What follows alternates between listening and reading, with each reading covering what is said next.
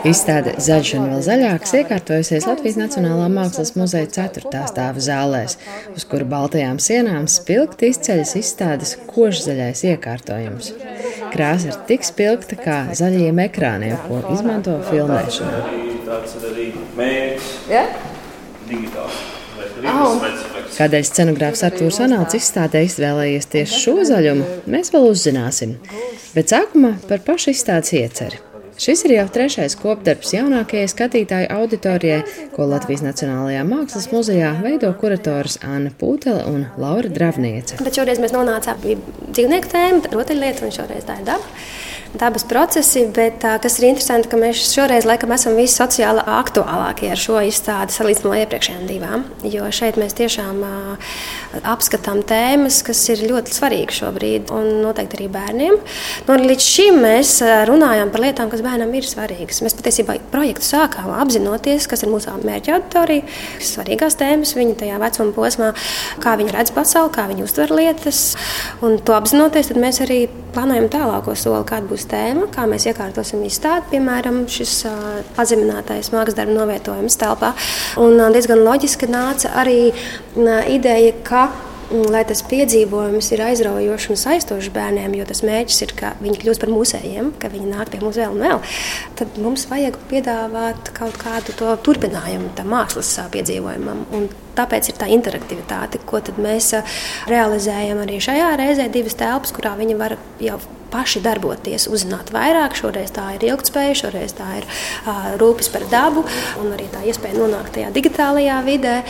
Bet šoreiz mēs esam ļoti starpdisciplināri jāatzīst. Ja pirmajās reizēs mēs bijām vairāk koncentrējāmies uz um, mūsu, mūsu muzeja krājumu, un tad skatījām šo rotaļlietu tēmu vai dzīvnieku tēmu, bet šoreiz mēs esam paplašinājušies un starpdisciplināri izglītojam dažādas tēmas sasaistot. Šajā projektā un iepriekšējās izstādēs ir to cerību, ka, ja tas mazais atnāks pirmo reizi, viņam būs pozitīva pieredze. Viņš varbūt neatcerēsies konkrētu stāstu par mākslas darbu, vai neatcerēsies to mākslas darbu, bet viņam būs vismaz tā pozitīvā pieredze, ko viņš būs guvis eh, muzejā. Viņš atcerēsies vismaz to ēku, telpas, to sajūtu un to vidi. Un arī tas būs viņam tāds aicinājums atgriezties. Un, eh, un eh, Laura minēja, ka šo gadu laikā ir jau izauguši bērni, un, un mēs, protams, ceram, ka viņi nāks un arī šajā stāstā atradīs arī sev kaut ko interesantu. Vēlme caur mākslu runāt ar bērniem un vecākiem par cilvēku un dabas līdzās pastāvēšanu abas muzeja speciālists urdījusi jau sen.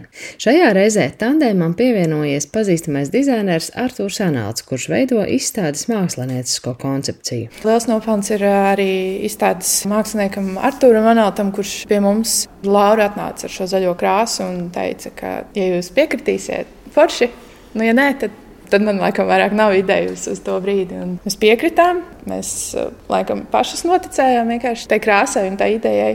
Nu, un šobrīd ir tā, kā ir. Nu, Berta, kā tur ir ar to zaļo krāsu? Ļoti spilgti ir ar zaļo krāsu. Tā ideja par to zaļo krāsu bija teiksim, no koncepta, jo mēs runājam par dabu, par vidi, un gleznās plēnām tā vidi parādīt pagātnē. Tas ir gleznas jau uzgleznots. Tad mēs runājam par pagātni. Man liekas, ir svarīgi runāt par tagadni, Mēs runājam arī par tagadni, caur kaut kādiem faktiem izstādē. Un eh, svarīgi ieskatīties arī nākamajā paudzē, tajos bērnos nākotnē. Nu, nākotnē tā zaļā krāsa būs klātesoša, viņa varbūt būs digitāla, līdz ar to tas spilgti zaļais ir tas digitālais. Un tas ir tas, kas teiksim, tiek parādīts. Ja mēs nerūpēsimies eh, par teiksim, dažādiem elementiem, kas šajā izstādē ir, nu, tad viņi paliks digitāli. Ar to Ranalda pieminētajā izstādes pagātnes daļā, jeb bērniem ērtā augstumā novietotās glaznās un grafikās no muzeja 20. gadsimta kolekcijas, daba ienāk caur ainavām, dabas veltēm, cilvēku klātbūtni dabā.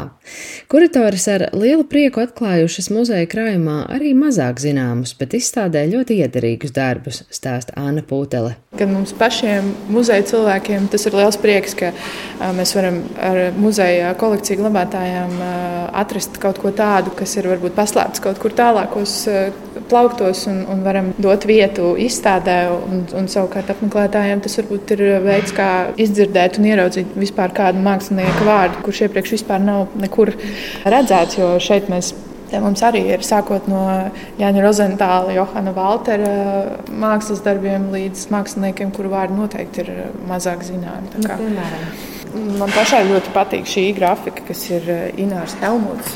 Es godīgi saku par šo mākslinieku, neko daudz nezināju. Šis ir brīnišķīgs piemērs arī tādam darbam, kurā, manuprāt, ir atkal tie vairāki slāņi, kur mēs no sākuma redzam to mašīnu, un tad sākam skatīties, ka tur ir zāle un lauki. Un... Izstādes veidotāji atraduši arī interesantu veidu, kā runāt ar skatītājiem par krāsu izcelsmi dabā. Par modeli ar savu bagāto krāsu paleti kļuvusi izstādes lielākā glezna - Kārļa Neļa tukuma ainava. Ko tā darīs, atklāja Artūrs Anāls. Tā aktīvā zona būs vienkārša. Mēs uh, analizējam to gleznu. Mēs parādām, no kurienes tā krāsa radās. Jo nav tā, ka teiksim, paņem to ultramarīnu zilo no tūbiņas. Tas ir tas, kā mēs varbūt teiksim, zinām to, bet viņi jau nāk no dabas. Tā krāsa, visas krāsas nāk no dabas. Un mēs parādām, teiksim, ir ultramarīna krāsa, mēs uzrakstām ultramarīns, mēs parādām, no kurienes viņa nāk. Tas ir lazurīta iezes, tas ir akmens zils. Pēc tam mēs parādām, ka to akmeni samaļ un izveido pigmentu, un tad no tā pigmenta jau veido krāsu. Un tas, kas ir, teiksim, tas ir bērniem interesanti, pieaugušiem, nu, oh, tas ir tāds akmens.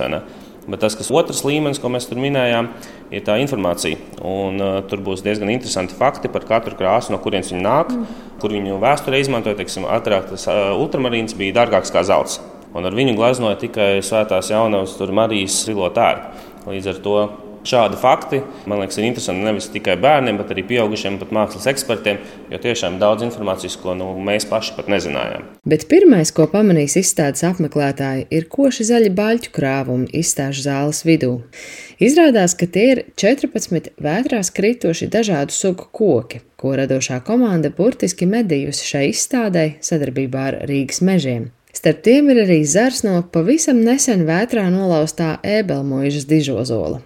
Un šie zaļi nokrāsotie koki grib kaut ko pastāstīt. Un tas, ko mēs parādām, reāli, ja mēs nerūpējamies par to dabu, viņi izzudīs.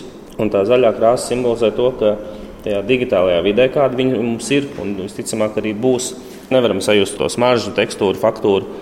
Un bieži vien mēs nepamanām tās pašsaprotamās lietas vai ikdienā redzamās, un šeit mēs to izstādām. Mēs visi ejam cauri parkam, nākot teiksim, uz muzeju, bet nu, kurš no mums apskatās, no kāda kokam ir miza? Un šeit, tajos 14 kokos, katrs var atnākt, atrast un ielūkoties, kāda tad viņam ir tā mīza katram kokam. Jo jūs esat atstājis tikai vienu mazu gabaliņu katram kokam. Jā, pārējais, pārējais viss ir jau digitāls. Jā, viņš jau ir teiksim, pazudis lēnām, viņi kļūst vienādi, neizteiksmīgi varbūt tajā būtībā, bet tas, kas ir, mēs eh, ieskatoties uz to vienu mazo gabaliņu, kas ir tā miza, kas ir palikusi, mēs reāli varam apskatīties un novērtēt, nu, kāda tur sūniņa aug, ķērpītas aug, mm. Kāda tā faktūra ir. Un katram kokam klāt nāks apraksts, teiksim, tur liepa un, un, un kur liepa tiek izmantot, kad no liepas ziediem var taisīt tējas un vēl kaut ko. Kā pretspār šiem nogāztajiem baļķiem, izstādē būs iespēja katram apmeklētājam simboliski iestādīt savu koku. Laura Dravniece un Artūrs Anāls. Mēs ne tikai savācām kritušos kūkus, kriteles, mēs arī stādīsim jaunus. Un uz tās sienas vēl nevar redzēt, mums vēl ir izstāde pabeigta. Tur taps tāda uz līmes siena, paši bērni līmēs uz līmes un nākamajā gadā. Sadarbībā ar Rīgas mežiem mēs stādīsim šos kokus Rīgas mežos. Es, respektīvi, bērni varēs uzlīmēt uzlīmīti. Vienu uzlīmīti ir viens kociņš. Pielīmē to vienu kociņu uzlīmīti, Rīgas meža iestāda vienu koku. Desmit tūkstoši kokus plānots ir iestādīts. Tā kā, nu, desmit tūkstoši uzlīmes mums ir. Bērniem draudzīgā veidā izstāde Zaļš un vēl zaļāks gan māca, kā skatīties mākslu un ka visu nevar ar rokām aiztikt, gan daudz ko aicina pieredzēt pašam. Tāpēc divas mazākās ceturtā stāva zāles ir interaktīvs turpinājums mākslas piedzīvojumam.